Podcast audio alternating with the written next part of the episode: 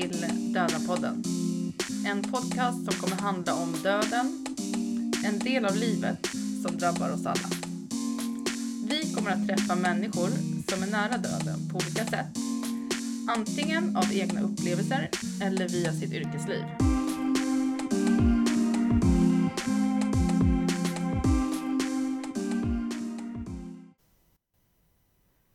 Så, vi är tillbaka. Ja, efter en lång och skön sommar. Ja, Så, verkligen. ja, ny säsong. Säsong tre är på gång nu. Ja, och vi har tagit oss ner till eh, västkusten, som ni säger som bor här. Västkusten säger vi andra. Skämt åsido. Vi är i Varberg och ska träffa Kristina och Marita. Som har skrivit en bok som heter Jag är lyckligt gift. Min man är bara lite död.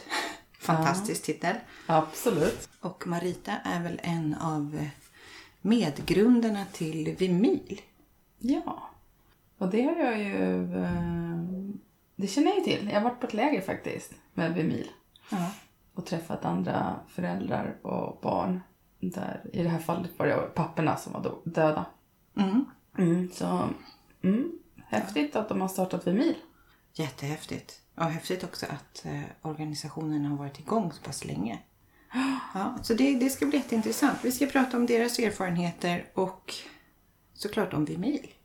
Jaha, precis. Spännande. Nu kör vi. Yes. Första programmet. Woho!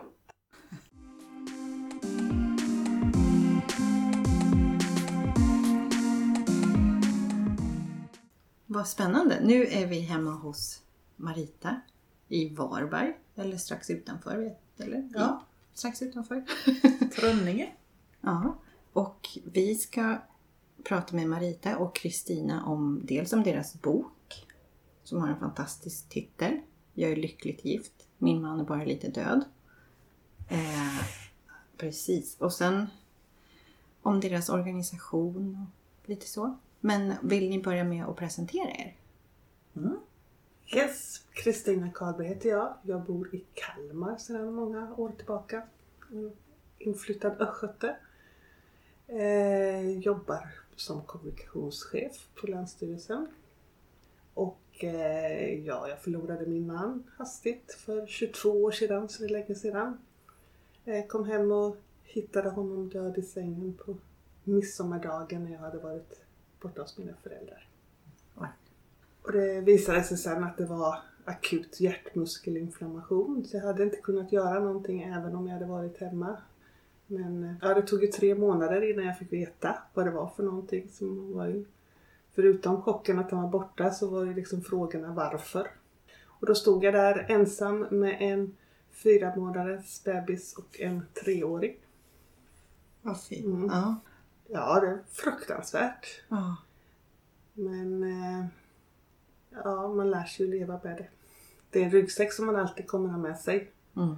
Eh, men en erfarenhet. Och jag heter ju Marita och bor som sagt utanför Varberg och eh, är nu 60 år. Och eh, för, vad blir det, 22 år sedan? Tre. 23 år sedan är det. Så dog min man Stig hastigt och oväntat. Han fick en massiv hjärtinfarkt på Landvetters flygplats. när Vi hade varit i England hela familjen. Och eh, eh, han ramlade raklång bakåt och eh, dog där och då. Vilket vi inte förstod för det, det blev kalabalik och han fick åka med ambulans till Mölndals sjukhus. Men där sa de sen att han inte klarade sig. Så det var väldigt chockartat. Eh, eh, det är, det är en sån här sak som man alltid har med sig. Sen naturligtvis så går man vidare men det, det är det värsta i livet. Jag hade inte haft en tanke på döden innan. Men ehm, ja, jag har eh, två pojkar. De var mina sen innan, men de var med på resan. Vi levde tillsammans. Så de, de eh, är idag vuxna och eh, med förhållande och jag har sex barnbarn. Så eh, Och jag jobbar som, jag har eget företag med bokföringsfirma. Mhm. Så ser livet ut. Ja. Mm. Men jag vet också att ni är engagerade i en organisation som heter Vimil. Har ni lust att berätta lite om den? Mm. Gärna. Ja, du var med allra första mötet. Kan jag- Så, kan ju börja. Kan jag börja hur det gick till då? Eh, Stig dog 1 juni 98 och sommaren eh, 99 så läste jag i tidningen Amelia. Det var en tjej eh, från Kungsbacka, inte så långt härifrån, som efterlyste andra unga änkor eller änkemän. Ville starta ett nätverk. Så jag var med och jag nappade på det direkt. Vi började ha mejlkorrespondens. Så jag var med på det allra första mötet eh, i det som blev Vimil den 4 september 99. Mm. Och vi var sju personer som kom dit och vi var väldigt så här nu säger jag hudlösa, men nervösa och lite utlämnade och undrade vad, vad ska det här bli? Eh, vi började med att fika och berätta om oss själva och det blev starten till Vimil. Som blev en, eh, ett nätverk kan man kalla det. En ideell förening men betoning på nätverk. Mm. Hjälp till självhjälp. Det fanns ju eh, från början och senare alla de här människorna som vet hur det är och hur det känns. Till skillnad från de andra ut, utanför. Mm. De kan ju bara försöka föreställa sig. Man kunde hjälpa varandra med små tips om hur man hanterar situationen. Och eh, det blev en självklar gemenskap i en väldigt annorlunda, makaber, märklig situation i livet som man bara hade hamnat i. Mm. Och eh, för mig var det, kändes det jättebra eh, att få den, dela den erfarenheten. Det är ju så här att eh, får man till exempel ett barn med Downs syndrom eller eh, man själv skulle få MS eller ALS så får man ju leta upp andra i samma Mm. situation för att veta hur, hur klarar man av detta. Mm. Eh, när jorden rämnar, liksom, hur, hur får man fäste igen? Mm. Så det kan jag väl känna att det, det haltade ju väldigt mycket både på semestrar och helger och allting. Och man kunde prata med någon till exempel så här att hur, hur gör vi, hur, hur, hur gör du när du vet att du ska gå och borsta tänderna och gå och lägga dig själv? Alltså den Mm. varenda kväll, hur ska jag orka det alltid? Och ansvaret med barnen och ja, det är många sådana här frågor som man inte har behövt ta tag i innan. Jag läste ju också den här artikeln. Men det var ju bara en knapp månad efter att Tommy hade gått bort. Mm. Eh, så det, det man gjorde var att jag skrev direkt ett mail till den här kvinnan. Och bara det var ju ett jättestort steg. För var det någonting man var, man var så var det att man inte kunde ta några beslut. Mm. Och liksom man sköt upp allting. Liksom, nej, handlar inte idag, handlar imorgon och så vidare. Men däremot här tog jag direkt och skrev. Jag är lite förvånad fortfarande. så. Däremot vill ju inte jag åka på det här mötet i Kungsbacka så tätt efter. Jag ska inte åka på något jäkla gråtmöte utan det räcker med att ha den här mailkontakten. Mm. Dessutom var jag lite osäker på att köra bil i det här läget. Det på kanske fanns någon bergvägg att köra in i men eh, vadå, Mm. finns inte så många berg här emellan. Men ja, men det var ju många sådana tankar just då. Men så småningom eh, så träffades ju vi som bodde nere i södra Sverige. Det växte rätt så snabbt eh, föreningen. Idag är det ju över tusen, Mm. cirka tusen medlemmar. Och det som var framförallt, det var som Marita säger, man träffade dem som man kunde ställa de där dumma frågorna till, den som ingen annan förstod. Eller beklaga sig över eh, gravstensförsäljare eller eh, kantor kyrkan. Eller ja, alla Mm. människor man var lite upp, Försäkringskassan får inte glömma. Mm. Mm. Myndigheterna. Specialobjekt där. Eh, men det var ju också för barnen för det arrangerades eh, sommarläger för barnen så de fick träffa andra i samma situation. Mm. Vänner som de har fortfarande. Eh, de lägren i Alingsås varje sommar det var heligt. Det Mm. åkte man på länge. Mm. Barnen var små. De är Nej. väldigt fort uppbokade även nu. De har, Ja. for, de har fortsatt alltså. Mm.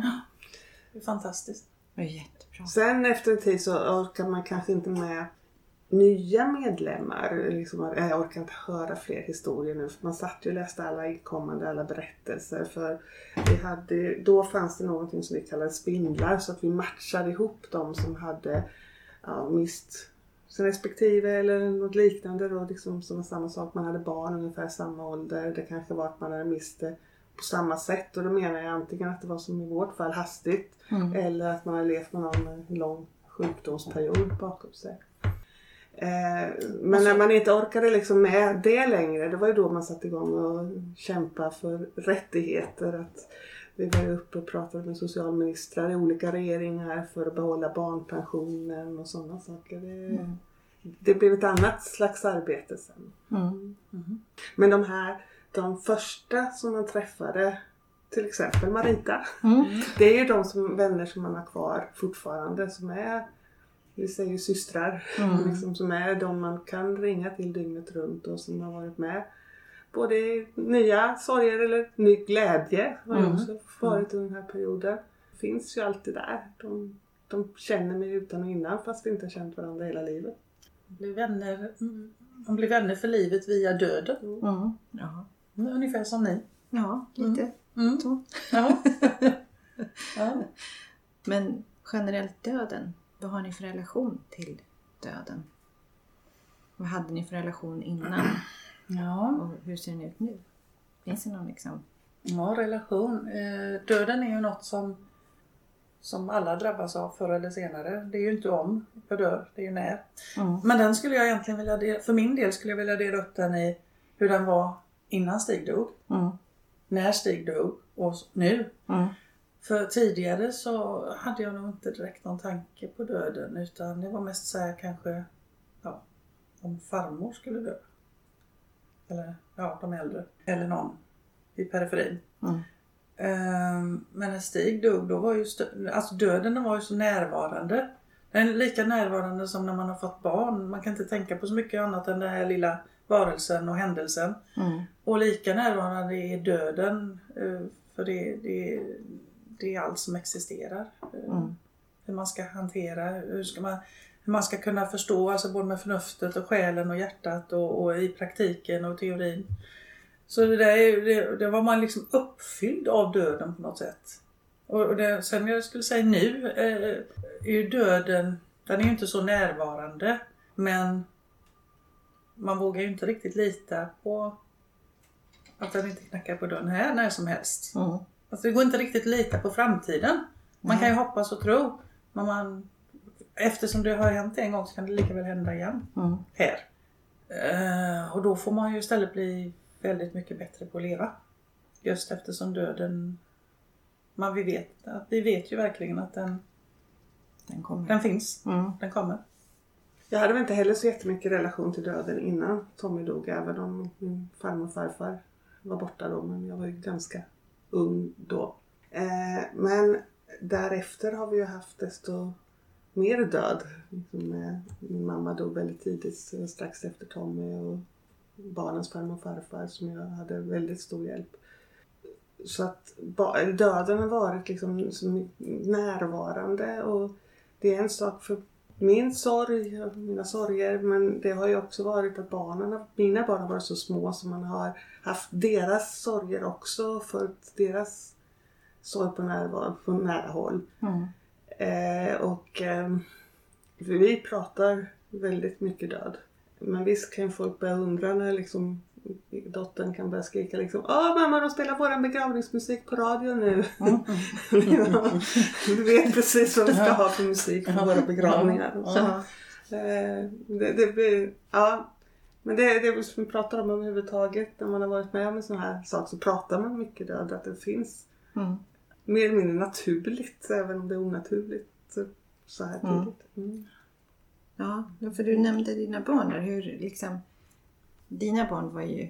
Nu pratar jag med Marita för Mm. övrigt. Maritas barn var ju lite äldre och dina barn var ju väldigt små. Mm. Hur har det påverkat dem som nu? Kan ni se liksom, har de fallit tillbaks i sorgen efter ett par år när det har blivit liksom skolavslutningar eller när det har hänt saker, de kanske har saknat sin pappa extra mycket eller så? Kan ni se någon sån? Ska jag börja? Ja.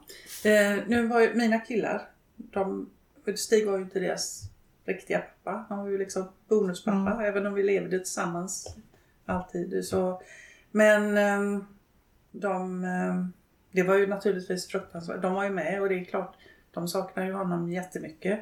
Mm. Eh, men jag kan tänka mig att eh, de kanske fick en sorg eftersom jag var så ledsen. Mm.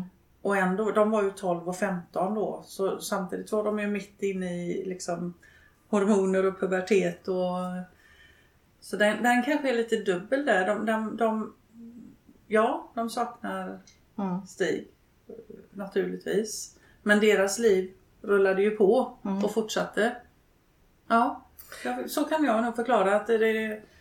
Jag kan, jag kan ge ett exempel. Jag kommer ihåg yngste sonen. Eh, han hade en eh, klasskamrat som, eh, nu är ju det också skillnad på tjejer och killar kanske. Han hade en klasskamrat som året efter Stig dog så körde hennes pappa ihjäl sig på motorcykel.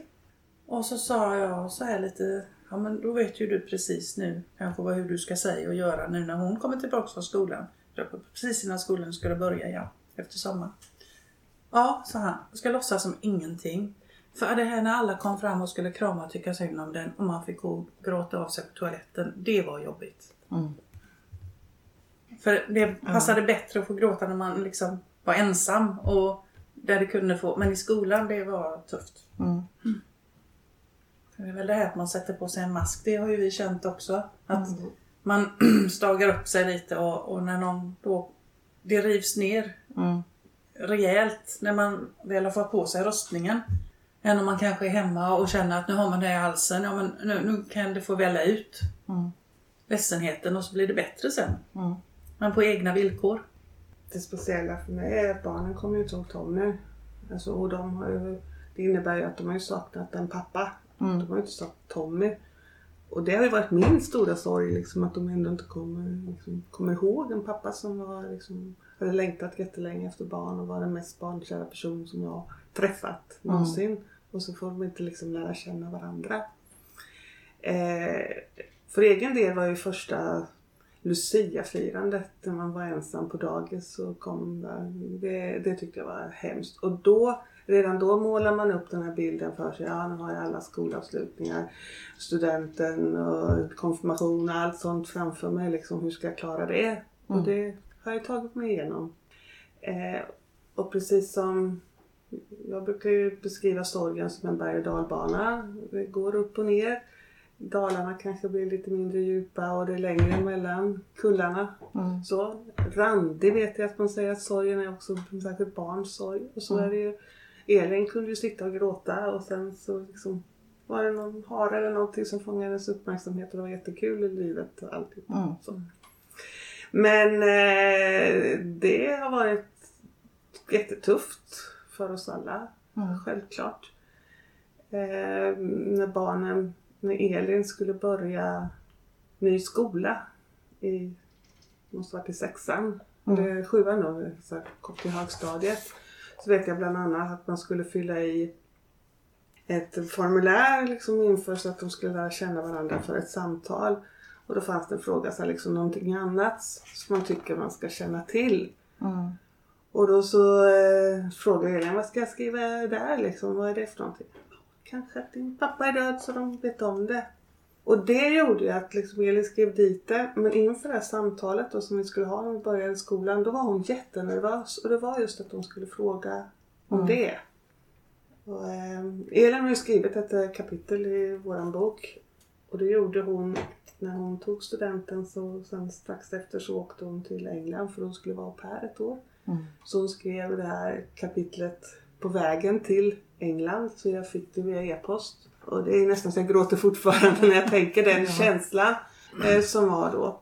För hon beskriver ju väldigt mycket det här med att om det är bra att hon inte har lärt känna honom eller inte. Skulle hon vilja, nej det är väl rätt så bra att hon inte har Mm. eh, lärt känna honom.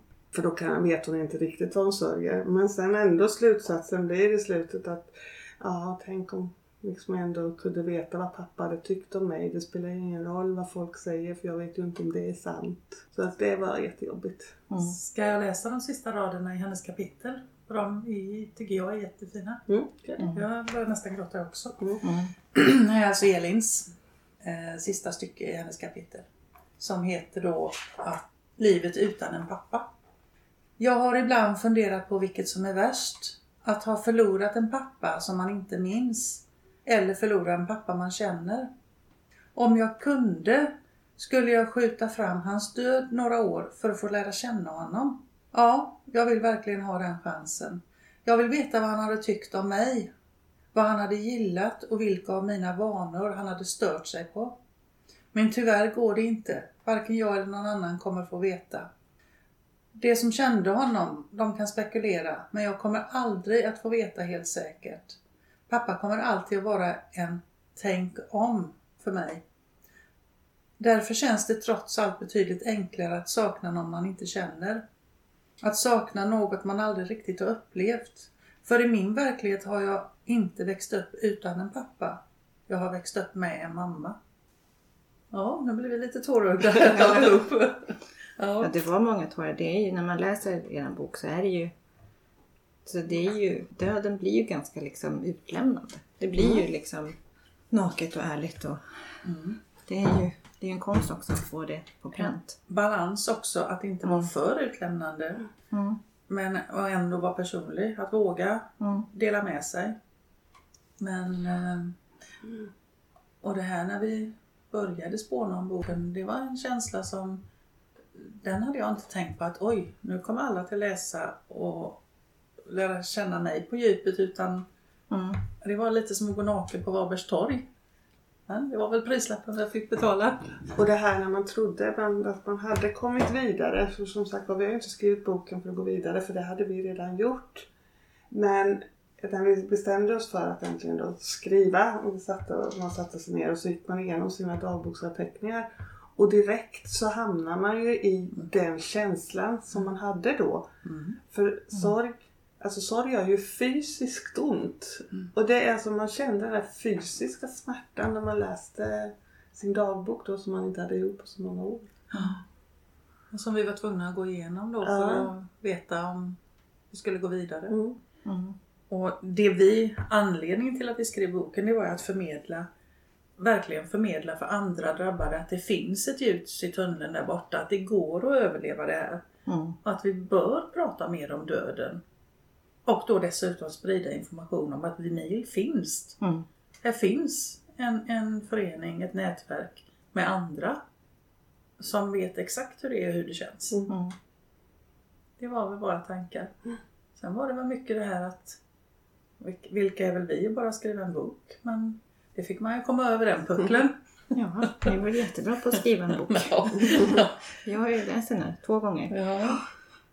Men kan ni säga liksom nu i efterhand, nu är det ju många år sedan och boken är ju ganska ny ändå. Men har den varit en del också i ett sorgarbete? Har, eller, förstår jag menar? Eller har den bara påmint? Eller? ja, för min del har den ju mest påmint. Mm.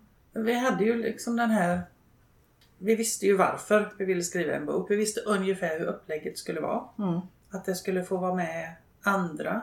Alltså kapitel från eh, vänner, grannar. Eh, Elin då dotter. Anders, min levande man. Mm. Eh, vinyl, andra vinyl Mm. representanter. Eh, och vi visste hur vi ville ha upplägget, att vad som hade hänt före, hur det var precis i det vi kallar jordbävningen och sen då uppbyggnad, alltså åt, är å, återkomst till livet eller vad man ska kalla det. Ja. Och råd och tips till andra drabbade då. Hur, hur gör man för att klara hantera detta? Och det var ju verkligen för när man liksom hade gått igenom. Det var ju många som sa att bara begravningen är över så kommer det bli bättre. Men det var ju då efter begravningen som det riktiga helvetet började. För då de här som hade varit så noga med att höra av sig innan. Då för dem var det liksom avslut där. Och nu var väl allt som vanligt igen. Så då blev man ju också väldigt mycket ensam. Eh, Jag hade ju min mamma flyttade ju eh, hem till oss. Så liksom maten stod på bordet. eh, Kläderna var tvättade. Det enda jag behövde ägna mig åt var att amma Jonathan. Mm. Eh, Så att... ehm, Ja, vad det var jag skulle komma till med det. Gå vidare. Nej men om det, var, om det blev en påminnelse eller om det blev ett eget sorgarbete med boken. Var, Ja, jo, och just det. Efter, men efter begravningen då, då var det då man började sökandet. Finns det några andra som har varit med om något liknande? Liksom sökt igenom hela biblioteket. Det enda jag hittade var en bok om en dottern till de som var i en flygolycka i Oskarshamn. Men, liksom, men det, den läste man liksom bara för man ville verkligen veta någonting annat. Och sen hade man ju som sagt var, var ju räddningen vid mil. Mm. Och att det inte just fanns, mm, när vi skrev boken så fanns det ju inte så mycket, fortfarande så mycket böcker då. Så att eh, nu finns det ju många faktiskt. Så det är ju jättebra att det blir en mer naturlig del att prata om döden. Ja. Ja, Ja, verkligen. för det blir ju också så här. Det blir ju så stort. När man är mitt, mitt i en sån eh, efterlevande situation. Då, då är ju det så stort. Och att sitta och prata om gardiner eller semestrar eller eh, gå ut på restaurang och, och alltså prata om sånt. Det blir bara konstigt. Mm. Ja, när man kan prata psalmer och gravstenar eller, ja, eller saknad och sorg och död. Och. Nej men man blev lite som ett ufo från en annan planet. Mm. För, först och främst så, så tyckte man att de pratade om så mycket oväsentligheter. Och sen tyckte väl förmodligen de som pratade med en att det satt hon och bara skulle prata om Ja, ältade liksom. Ja, För det ja. tror jag att det är en väldigt vanlig uppfattning att folk tycker att man tjatar och tjatar. Alltså jag hade ju som människor som man känner lite i periferin, man hälsar och kanske säger något ord och sådär. De gick ju över på andra sidan gatan. Det, Och det, det kunde jag ta. Men de här som utgav sig för att vara mina vänner som liksom fortsatte att träffa mig eller arbetskamrater på arbetsplatsen. Bara man sa någonting om Tommy då, det kunde vara så här liksom att Tommy har varit i Australien. Då blev det liksom bara skruva på sig och tyckte att liksom det var liksom jätteobekvämt. Och då sa ju inte jag något liksom sorgligt eller negativt. Och, Nej. alltså, det, är- alltså, Tommy är ju en jättestor del av mitt liv fortfarande även om det är 22 år sedan han dog. Så liksom det vi har gjort tillsammans. Alltså det sorgliga är ju inte att Tommy har levt, det sorgliga är att han är död. Så det är klart jag kan prata om Tommy men det var väldigt många som överhuvudtaget liksom, Oops, nu kanske hon börjar gråta eller vad var de rädda för? Ja, alltså jag, jag har ju inte, jag har ju bara stått på sidan om så att säga. Mm. Jag kan inte prata för Linnea heller. Men jag tror att alltså, det, det är jättesvårt att veta vad man ska göra. Mm. För det finns ju inte direkt någon handbok så här, gör så här. Nej. Så man går ju bara på instinkt. Därför man är det så bara. viktigt liksom, att bara lyssna liksom, och bara finnas där. Ja. Det är, liksom, man- många är rädda för vad de ska säga. Ja men säg inte så mycket då. Och visst, vi är ju lite sådär, tar ju upp till exempel alla olämpliga kommentarer också.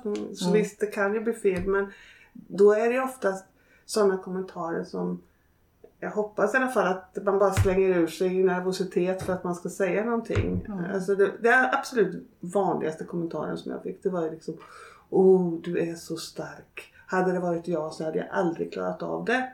Och jag, alltså jag blir fortfarande galen på det. Liksom, vadå stark? Vadå, vad har jag för val? Ska jag också lägga mig ner och dö? Eller vad är alternativet då? Mm. Eh, och sen det här, liksom, ja men du är fortfarande ung, du kan träffa en ny. Liksom så här liksom onödiga kommentarer. Liksom, men Bara vara som vanligt. Ja. Ja, eller jag skulle vilja säga, var inte orolig för, om du var orolig för vad du ska säga, så var tyst och lyssna då. För när någon hamnar i en sån här situation så vill man, det, och det hjälper att prata. För varje gång du pratar om det så blir det liksom lite mer verkligt eller konkret. Och var inte rädd för att fråga. Liksom, tycker du att det är jobbigt att vi jag pratar om detta? Liksom, och fråga hur den sörjande vill ha det. Mm.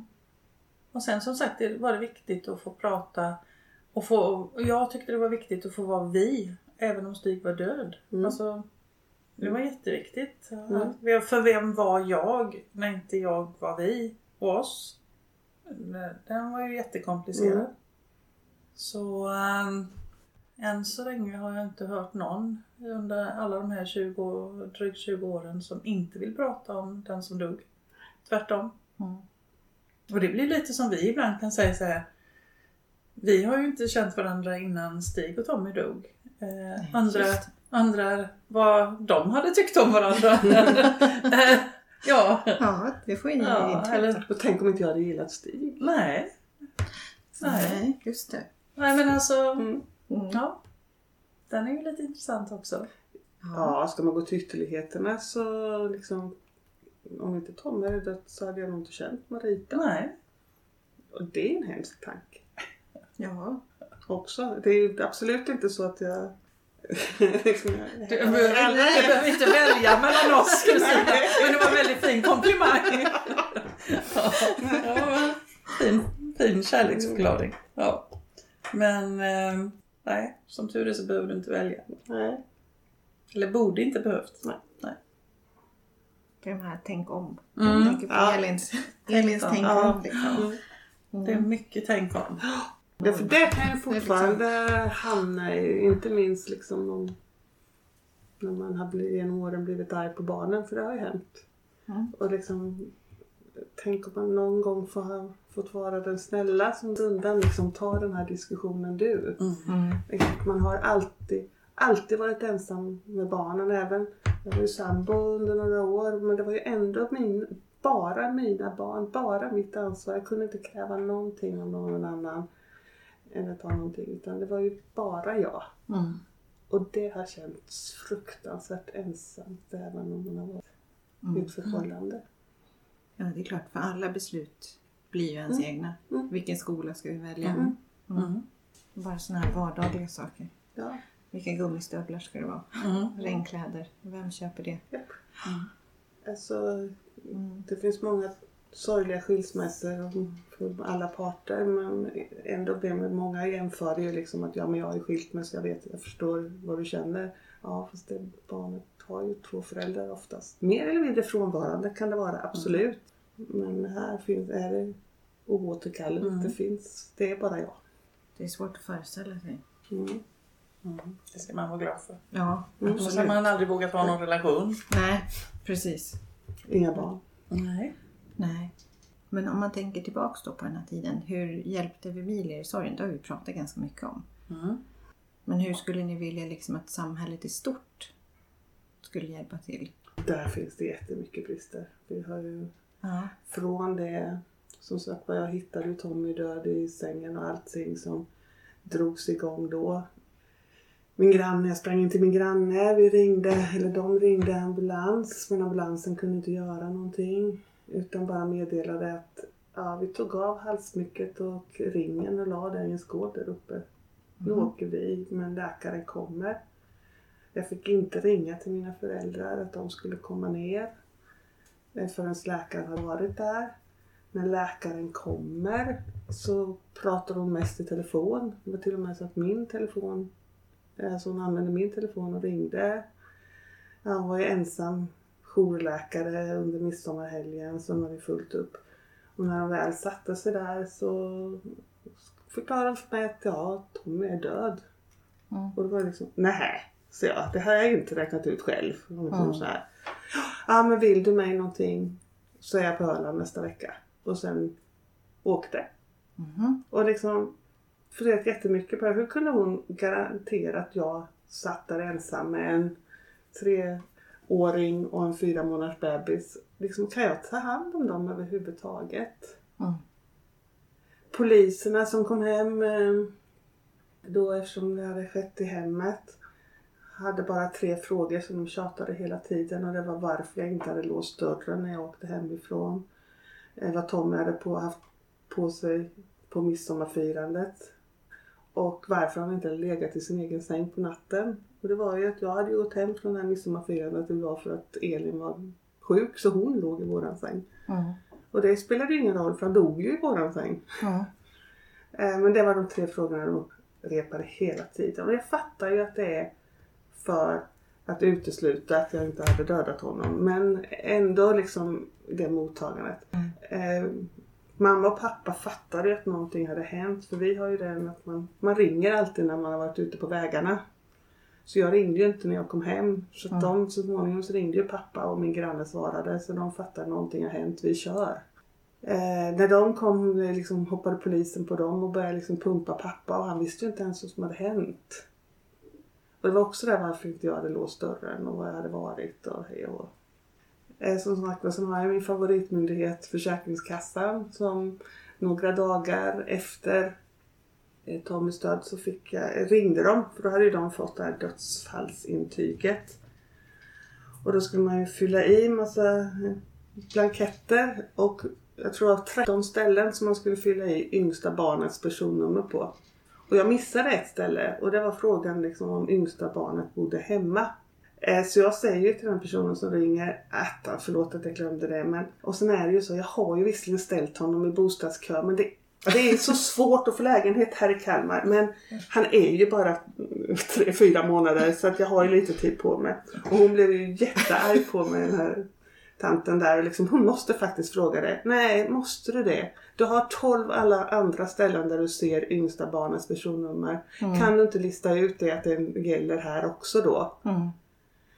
Eh, Efter ett år så fick jag ett brev hem där jag skulle intyga att jag inte hade gift om mig för att jag verkligen inte var liksom, berättigad till den här änkepensionen då om jag hade gift om mig. Så jag skulle intyga detta. Gud. Så då skrev jag ett brev och svarade att eh, nej men om jag gjorde det så skulle de bli de första som jag bjöd in Ah. i mitt bröllop. Och här, sen, sen hade jag ju ett sätt som gjorde att alltså jag anmälde den här läkaren som var hemma. Jag eh, skrev till Försäkringskassans generaldirektör. Mm. Fick svar och de ändrade sina blanketter och sådär. Nu idag så undrar jag, vad håller jag på med? Varför orkar detta? Men jag tror att det var mitt sätt att överleva och liksom Mm. eh, göra detta. Mm. Men alltså, för att återgå till din ursprungsfråga där med, alltså det, även de här, alltså de här yrkesgrupperna, liksom polisen, inom sjukvården, Försäkringskassan.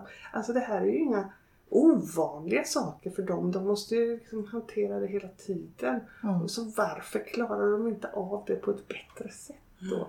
Det borde ju ingå i deras grundutbildning på något sätt. Jag hoppas verkligen att det har blivit bättre under de här åren men av de historier jag har Men så verkar vi det inte så Linnea mycket. också Mm. att det var ju inte heller okej. Nej. Hennes bemötandet hon fick. Nej.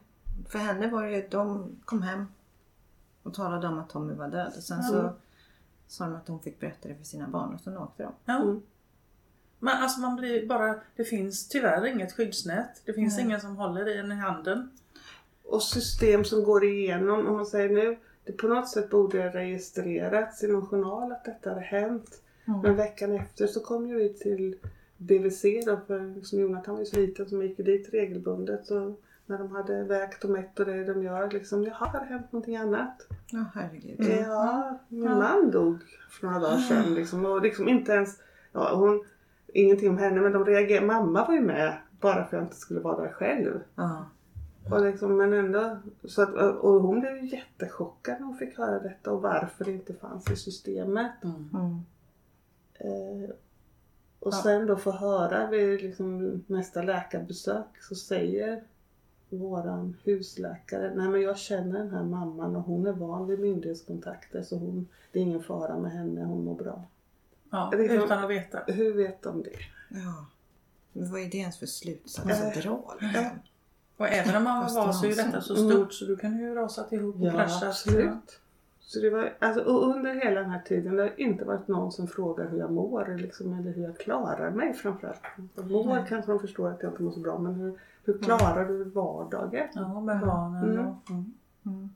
Om man litar på liksom ideella krafter Ja. och att man har ett nätverk runt Ja. omkring sig liksom, som Ja. bär en.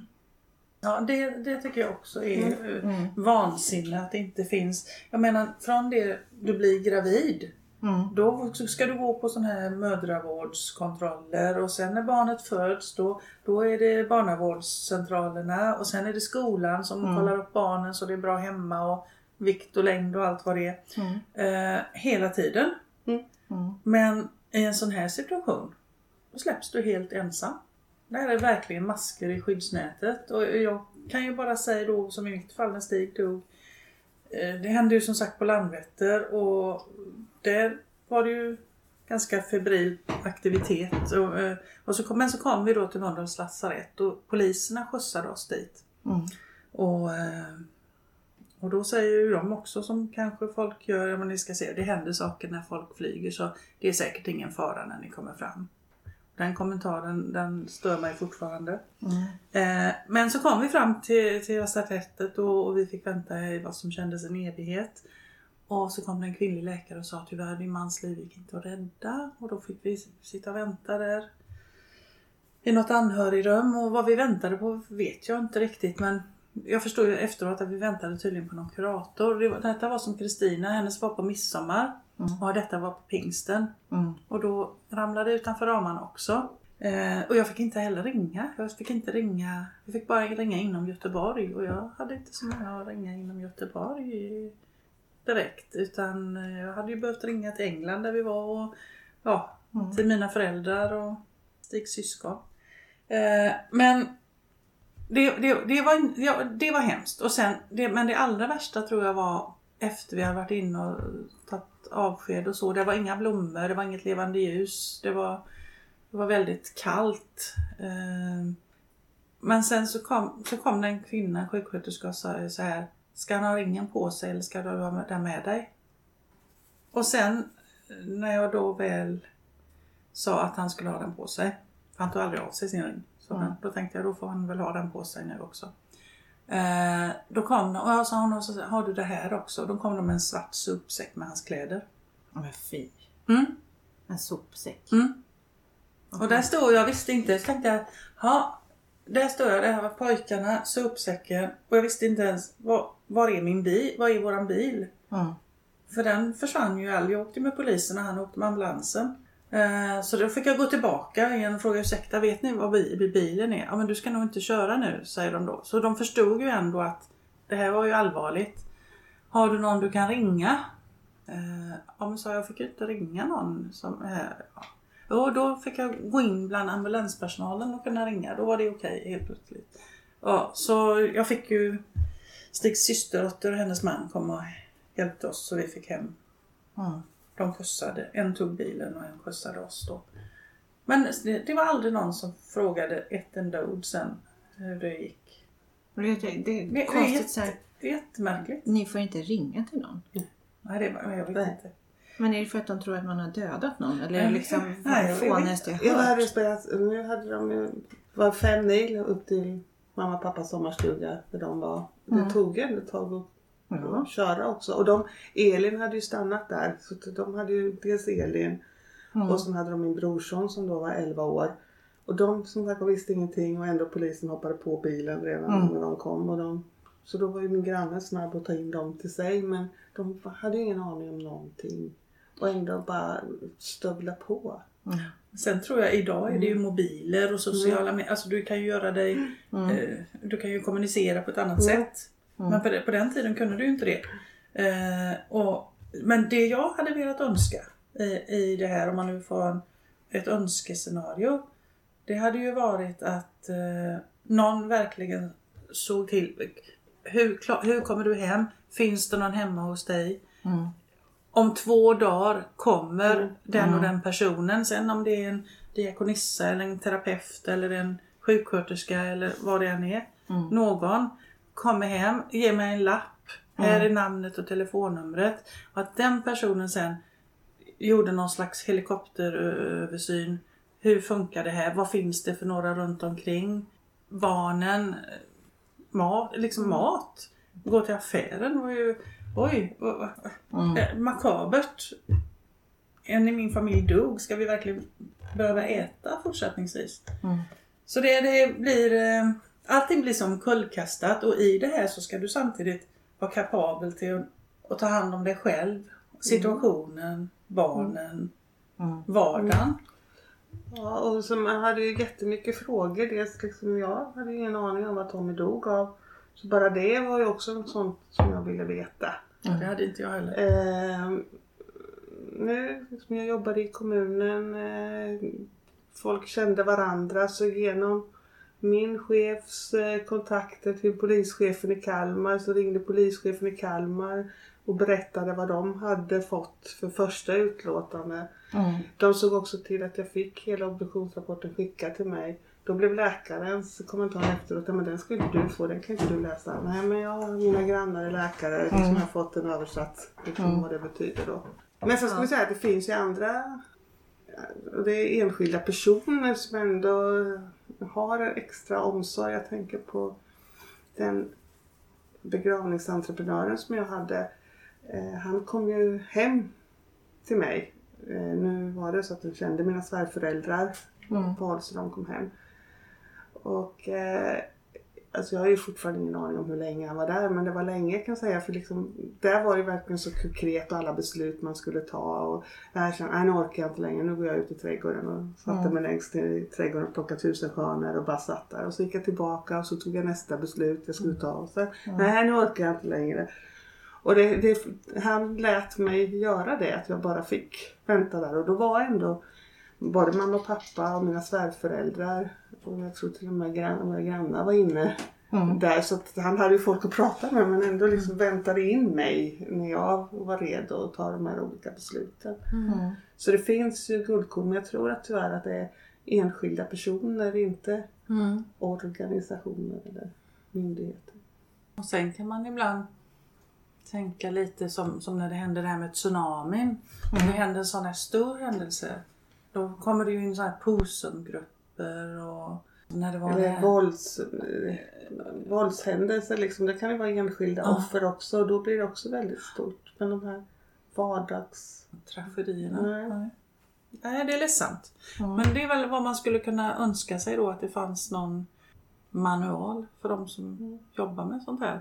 Mm. Att, och, och det är ju inte svårare än att... Och, det finns ju hur många människor som helst i Vimil. Fråga 50 personer. Hur Mm. vill du ha det? Mm. Hur skulle du vilja haft det? Mm. Precis, det finns ju folk som har gått igenom det. Mm. Och det är ju så här att när man blir kvar efter någon familjemedlem har dött så man är ju um, ömtåligt gods Mm. och som behöver hanteras väldigt varsamt. Men man kommer ju tillbaka. Men den tiden där, den är ju olika lång beroende på hjälpinsatserna. Och kan då samhället eller det sociala skyddsnätet vara ännu bättre, ju Mm. fortare kommer man ju tillbaks till det här någorlunda normala livet och Mm. existensen igen. Ja, för oss var ju jobb en viktig orsak till att man kom tillbaka också. Jag var ju egentligen barnledig. Men eh, min chef sa till liksom att jag, det var okej om jag kom in någon halvdag då och då. Liksom, jag gjorde säkert ingen nytta men jag var på jobbet. Och där, där var det ju mesta som vanligt. Under den här tiden så fanns det ju inga krav på mig eftersom min vikarie fanns där. Men det fanns ju uppgifter att göra liksom, och det var ju som vanligt. Mm. Medan allting hemma var upp och nervänt. Så det blev ju en andningsventil att man fick göra någonting där det ändå var som vanligt. Medan jag vet ju andra som liksom går sjukskrivna i år och inte klarar det. liksom. Men för oss har det varit jätteviktigt att liksom jobba. Ja, och jag kände nog en stor del jag kunde gå tillbaks etappvis till mitt jobb. Eh, Jag jobbade på en liten skoimportfirma Mm. då. Och vi var bara några få som fanns där så vi hade ju verkligen uppdelade roller. Och jag hade då ekonomi och administration. Och, så jag gick dit ofta på helger och kvällar först. Eh, och sen så kom jag väl successivt etappvis tillbaka. Och, och så sa jag, ja men eh, bara jag slipper svara i telefon. För det klarade jag inte riktigt i början. Man skulle vara glad eh, som vanligt och, och svara i telefon. Så jag sa jag kan ta de samtalen när någon behöver prata med mig. Mm. Men helst inte vara liksom rösten utåt. Det var jättetufft. Ja, Hur läget säger folk. Ah, vill du veta det? Kunde jag svara då. Ja. Så ska man ju inte. Men man kan inte bara svara ja det var bra. För Nej. det är det ju inte. Nej, det är svårt att låtsas som att det inte har hänt. Nej. Det är inte bara att man har varit osams med någon eller liksom. Men där var det ju på något sätt, det kunde bli någorlunda sorgfri zon på jobbet. När det inte ramlade över en förstås. När man får hålla papperna så här och Mm. de var helt gråtiga. Mm. Men eh, ofta funkar det ju som en sorgfri zon. Så var det väl det här också att eh, det som hjälpte till det var väl den här vardagen.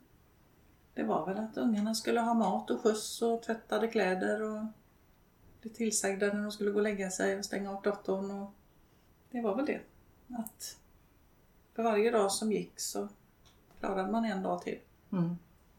på något konstigt sätt. Men om man säger, jag har ju nu läst er bok såklart, så att jag Mm. kanske har svaret. Men har ni några liksom, tips och råd till någon som har förlorat sin partner? Det var flera sidor. Ja. Men, eh, ja, men det grundläggande är ju liksom att det finns ljus där bak i tunneln även om det är långt dit. Mm. Eh, och det kommer vara en jäkla resa dit. Som jag sa, berg och dalbana. Du kommer gå upp och du kommer gå ner. Eh, Men det är så småningom finns det. Man säger tiden läker alla sår och det gör den inte för det kommer ju alltid finnas ärr. Mm. Eh, Så du kommer alltid bära med dig detta. Men eh, det, det blir bättre. Mm. Det är det grundläggande. Men sen liksom resan längs vägen kan ju vara just det liksom se till att hitta likasinnade liksom, som har varit med om det som man kan prata med. Mm. Ja, försöka och de stunderna när man inte är helt djupt där nere i det svarta hemska hålet. Att ta vara på de stunderna som man orkar sen när man rasar ner. Mm. Men vi kan väl ta några av våra tips och råd som vi tycker har hjälpt oss, eller? Det är ju det här prata och berätta. Alltså att man får lov att älta. Mm. Det är, och det är ju många, man, man behöver många där. Det kan ju vara familj och släkt och vänner och kurator eller arbetskamrater eller någon diakonissa eller präst eller Mm. alla som orkar lyssna. Eh, händelsen är ju så stor så den behöver bearbetas om och om igen. Vi, vi skrev ju av oss. Mycket och ofta. Jag, eh, jag skrev evighetsbrev till Stig för jag hade ju inte riktigt förstått att han dog så jag tänkte jag får ju komma ihåg vad som händer varje dag, hur jag tänker och känner och tycker. Och, så det blev en slags dagboksform fast riktat till honom. Mm. Sorterade mycket kort och minnessaker. Det blev viktigt att sitta och pyssla med sånt. Eh, att eh, läsa gjorde vi mycket var och en på sitt håll också. En Mm. på biblioteket. Nu är det ju internet och sånt men eh, då var det biblioteket.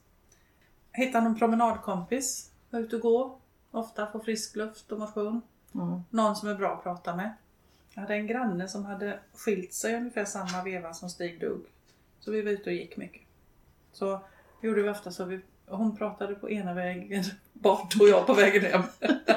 ja, så vi pratade och grät och vi eh, skrattade mycket också. Mm. Eh, att man försöker ha något att se fram emot. Även om det inte känns att man unnar sig något glädjefullt så är det ändå viktigt. Mm. Och att man väljer då människor runt omkring sig som får dig att må gott. Och kanske våga välja bort Mm. om man inte mår bra. Och det här har vi då skrivit, finns det inga vettiga i din närhet så se om du via bekanter eller genom att leta på nätet kan finna andra som har varit med om något liknande. Vimil finns ju. ja. Eh, ta hand om dig själv. Och det är olika vad det kan vara men spa, ansiktsbehandling, massage, eh, egentid, Mm. bad. Massage tycker jag, men det vet jag att alla gillar ju inte beröringen men som jag sa förut så gör ju fysiskt ont. Jag vet jag var på någon föreläsning eh, med den som hade hand om Backabranden i Göteborg. Mm. Och de berättade lite vad de hade gjort och bland annat det första de hade gjort var att beställa massage till de anhöriga. Och då när jag satt och lyssnade, ja det stämmer ju. För det är liksom, som jag sa, så gör fysiskt ont och det är jätteskönt. Och, ja, då tyckte man också, jag tyckte det var skönt att någon tog på en men det Mm, var mm. liksom, det gör ju fysiskt ont. Man saknar ju beröringen. Mm. Man kramar och allt det här. Mm. Och vi skriver också lyssna på musik som berör och med hög igenkänningsfaktor. Man har ju ofta sån här vår musik. Mm. Liksom. Och att man försöker få lite andrum i sorgen. Ehm, Det var lite det här att har du någon glädjefull stund så ta vara på den. Eller kanske om man reser bort någonstans eller om man provar något helt nytt och annorlunda. Mm. Så du får ehm, Ja men lite som du pratade om, sorgfri zoner som Ja. vi, vi tyckte att det var på arbetsplatsen. Liksom. Ja. Där, där, där funkar det. När man inte hela tiden blir påmind om det som hade hänt. Men det var någon som väldigt klokt skrev i Vinils Facebook för inte så länge sedan att jag försöker att, att hitta saker varje dag för att göra något bra för mig denna dag. Mm. Eller för andra. Så jag får nå, nå, någon, Mm. någon sak som gjorde just denna bra, dagen bra. Det ligger mycket i det. Mm. Men som sagt att försöka få lite andrum i sorgen för man får vänja sig. Man måste vänja sig vid att så här är mitt liv nu. Man går väl ner i någon slags existens. Eh, Det är ju inte det här att man lever liksom och man och man, har inte, man är inte levande när man är i sorg. Man är i en existens. Och bara förklara av dag för dag. Och den är olika lång hos olika människor. Ja. ja, vi har haft en tidigare gäst. Hon sa att hennes, hon hade en jättebra kompis som hon pratade med som sa liksom ta en minut i taget. Mm. Ja. Ett andetag i taget. Mm. Ja, en Ja. minut. Mm. Sen har det gått två. Ja. Ja. Nu har det gått tio minuter. Mm. Det är klokt. Ja, som jag sa till dig förut, att jag, en effekt av detta har blivit att jag har blivit skitdålig på att planera. Eller jag Mm. gillar inte att planera. Utan det, det kan- kommer ju hända massor med saker som gör att den här planeringen ändå spricker. Så det är liksom lika bra. Så, så det är många kompisar som har blivit lite galna ibland om man inte liksom kan komma. Ja, men jag tänkte komma till dig i helgen. är det okej? Ja. ja, ja. Mm. Eller tvärtom. Nej, jag kommer inte. Livet, det är ju det här som pågår här och nu. Jag vet inte vad som händer imorgon. Utan därför måste jag leva nu. Ja, lever ni så liksom nu också? Är det någonting som ni har fått med er? Att liksom vara väldigt närvarande och härvarande? Ja. Ja. ja. Alltså man får ju, man får ju många insikter som man kanske hade kunnat vara utan. Men eh, nu är de ju här och då får man förvalta dem på bästa sätt. Det gäller ju att ta vara på, alltså livet, är- hur det än är så är ju livet en gåva. Det är ju inte självklart. Det är ju så många som till exempel inte kan bli med barn. Och det här är ju en, säkert jättesorg. Antagligen. Mm. Kan jag ju tänka mig. Och, och så finns det ju de som, finns det ju många som bara blir med barn hela tiden. Men, Mm. men, men jag, jag tänker så här att det är inte själv, livet är inte självklart. Nej. Det, ehm, det gäller att ta vara på det. För rätt vad det är så är det slut. Är det någonting mer som ni känner att ni vill gärna förmedla vidare? Som vi har missat, tänker Ja. du? Det blir ju ofta så här för er som lyssnar nu att man förbereder den här podden, man har frågor men Mm. Ja. samtalet flyter på så att man får Ja. inte alltid med allting som man har tänkt sig. Jag tänkte på det här när vi sa nu sist. När jag tror nog att i alla fall jag har blivit lite modigare. Mm. För man, jag vet, jag tänkte så här, ja men det värsta har ju redan hänt. Mm. Vad, vad är det värsta som kan hända nu? Är det liksom att jag bara krockar? Det är inte så farligt. Eller att man vågar mer. Framförallt inte oroar sig skulle jag vilja säga. Liksom, vad vad ska jag oroa mig för det för? Jag vet inte vad som händer. Och liksom, som Mm. sa, det hör ihop med hela planerandet. Vi får se vad som händer. Mm. Det stämmer ju verkligen det du säger, att det värsta har redan hänt. Så Ja. Det kan inte bli så mycket värre. Nej, det, Och det tycker vi tar med oss. Det är väl en ganska bra frågeställning Mm. att ha generellt. Liksom. Mm. Vad ja. det än gäller. Liksom. Vad är det värsta som kan hända då? Mm. Om vi skriver den här boken eller inte. Eller om, om vi startar den här podden. Vad är det värsta som kan hända? Mm. Att ingen läser eller att ingen lyssnar. Mm. Ja. Eller, som, eller som vi sa när vi, när vi bestämde oss för det här och, och göra boken då. Vill vi och kan vi och vågar vi? Och, och så, så sa vi just det, vad är det värsta som händer? Ja, vi har väl slängt bort ett x antal tusenlappar var då och så har vi gästrummen i Kalmar och i Varberg fulla med böcker under sängarna. Och så har vi gå presenter i resten av livet. Det är ju liksom det värsta. Men vi har fött fram en bok Ja. Ja, eh, som är våran gemensamma lilla bebis nu och som börjar... Hon, det, det här hade vi aldrig tänkt oss när vi skrev en bok att vi någon skulle fråga oss om vi skulle vara med i TV liksom eller En sitta med en podd. Ja, Nej. Dödenpodden. Det, men alltså den har ju tagit med oss ut på äventyr. Vi skulle ju bara skriva en bok för att vara snälla och hjälpa alla andra så att inte de behöver ha det så tufft Mm. hela tiden. Ont överallt i själen. Och inte tänkt så mycket på själva vad händer, när, Konsekvenser. nej, men vad händer när boken är tryckt och hur ska vi få ut den till andra? Hur ska andra hitta den? Liksom, jaha, Ja. det kanske vi ska tala om att vi har gjort det här också. Ja, ja. Ja. Så det har varit många, många steg för det här lilla barnet att, att ta. Och vi har fått hänga med lite grann. Och det har varit jättekul resa. Spännande. ja, verkligen. Och det är en väldigt bra bok. Ja, tack. Jag tycker det var jättefint också. Som jag sa tidigare, jag vet inte om jag har sagt det under inspelningen, men vi har pratat lite innan att, att era anhöriga fick plats. För där, jag som inte har förlorat min man, jag känner igen väldigt mycket i det de skriver. Mm. Och det är skönt också att få den platsen för att man blir ganska sekundär. Mm. Liksom. Kan jag tänka. Mm. Ja. Och ens egen sorg blir också väldigt sekundär Mm. för att det är inte min stora sorg. Som anhörig har man ju också en sorg. Ja, Absolut. absolut. Så Ja. ja, det Och den glömmer man bort lite som, eh, huvudsörjare tänkte jag Ja. säga, men den som har miss direkt liksom, och glömmer bort att, att de andra också sörjer. Ja. Tyvärr. Alltså för jag framförallt Tommys komp, gamla kompisar valde jag ju bort Mm. lite då. Och eh, efterhand har jag ju, nu kan jag inse liksom att men vadå, de hade ju fullt upp med sin egen sorg. De hade ju inte tid att tänka på mig. För de hade krasset, de hade känt Tommy längre än vad jag hade känt honom och liksom vuxit upp med honom. Mm. Eh, så att jag, att träffa mig påminde ju dem om det de hade mist. Mm. Mm. Eh, men det är inte för sent att ta upp Nej, kontakten. och, och det, är, det är bra att man kommer på det. Mm.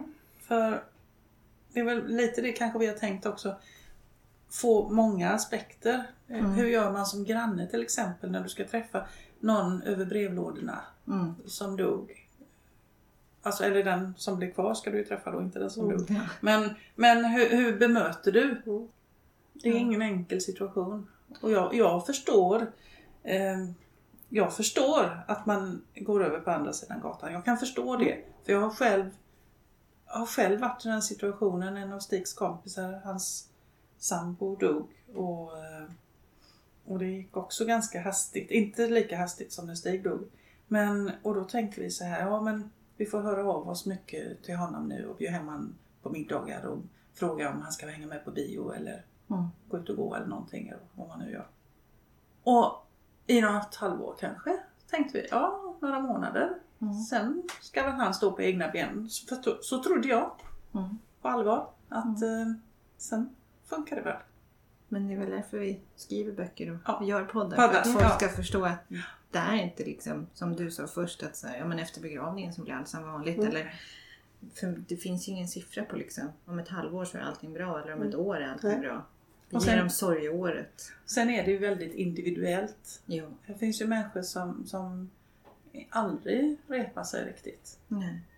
Men vi har väl, utan att generalisera, så Mm. finns det väl någon slags mellan två, två och ett halvt, tre år, tre, runt tre år. Där, där på något sätt lyfter man blicken lite. Mm. Eh, och Börja leva och inte bara ja, existera ja, alltså att man, Mm. ja, precis. Att man kanske börjar tvätta håret, höll jag på att säga. Ja, Bry sig om att tvätta håret. Ja. Ja. Den, den, eh, det har vi ju tänkt Mm. i alla fall. Mm.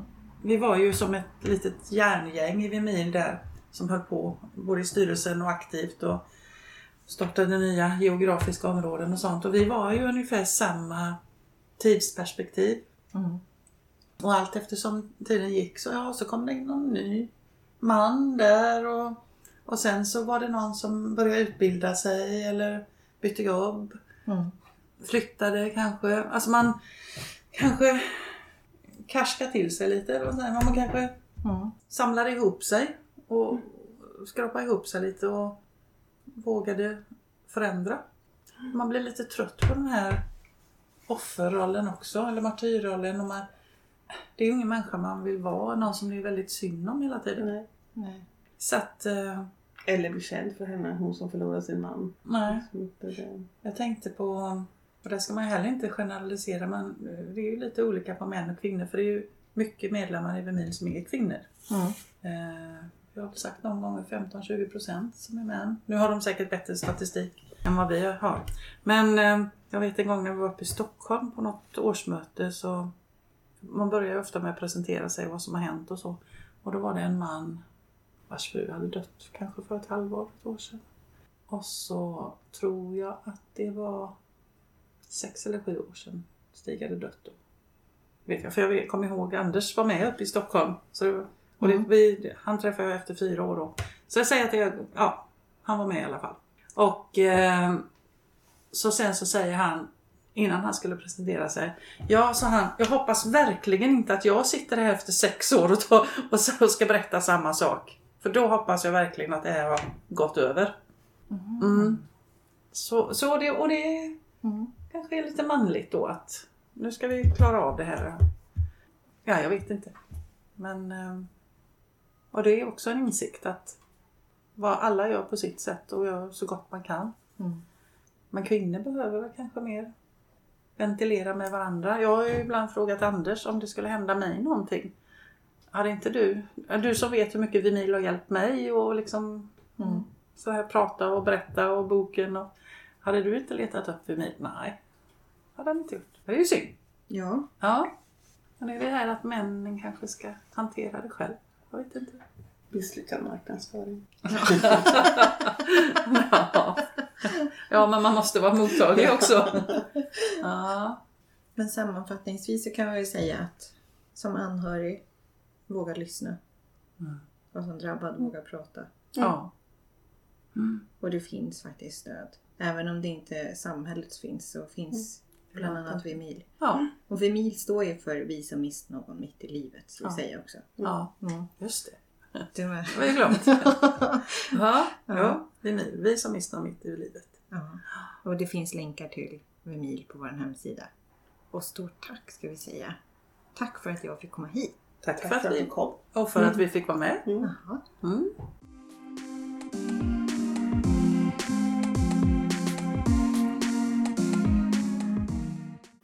Ha, så var den intervjun avklarad så att säga. och Linnea, du som precis har fått lyssna igenom eftersom du inte kunde närvara. Ja, alltså jag, eh, jag, jag följde med här till Varberg. Det var ju, det var ju, kom en bit på väg men inte ända fram. Nej. Eh, avundsjuk att jag inte fick eh, vara med. Det lät som att ni hade så himla trevligt och, och bra samtal. Jättebra var det. Och eh, vi rekommenderar ju boken också. Absolut. Read it. Nej, det är en jättebra bok och som jag sa i programmet också, jag tycker att det är fint att anhöriga har fått egna kapitel för att det, det ger en igenkänning. För vi, vi är en annan grupp, vi som inte är direkt drabbade utan bara indirekt. Mm, och så sant. Mm. Och stort tack till er som har lyssnat såklart.